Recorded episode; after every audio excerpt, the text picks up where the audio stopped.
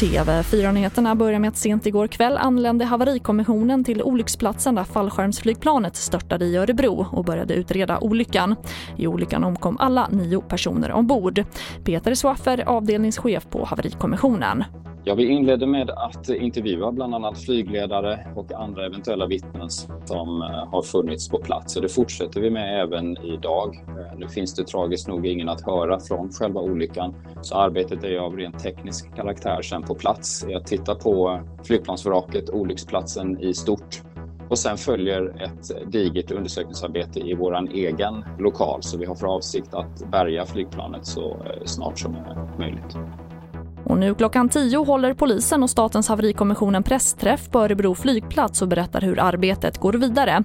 Och den kan du följa på TV4 och tv4.se. Och en 17-årig pojke döms till fyra års sluten ungdomsvård för mord och mordbrand i Nässjö där en kvinna dog. Det meddelar Åklagarmyndigheten. Pojken har själv erkänt att det var han som tände eld på huset och säger i förhör att han inte trodde att kvinnan var kvar i huset och att det inte var meningen att hon skulle dö. Det rapporterar SVT. Och vi avslutar med att antalet olyckor med elsparkcyklar är rekordmånga hittills i år. Det visar statistik som Transportstyrelsen tagit fram åt TV4-nyheterna. Inom sjukvården oroas man för att onyktra förare ska dö i trafiken och elsparkcykelföretag vill nu se en promillegräns för att få köra elsparkcyklar. TV4-nyheterna, jag heter Charlotte Hemgren.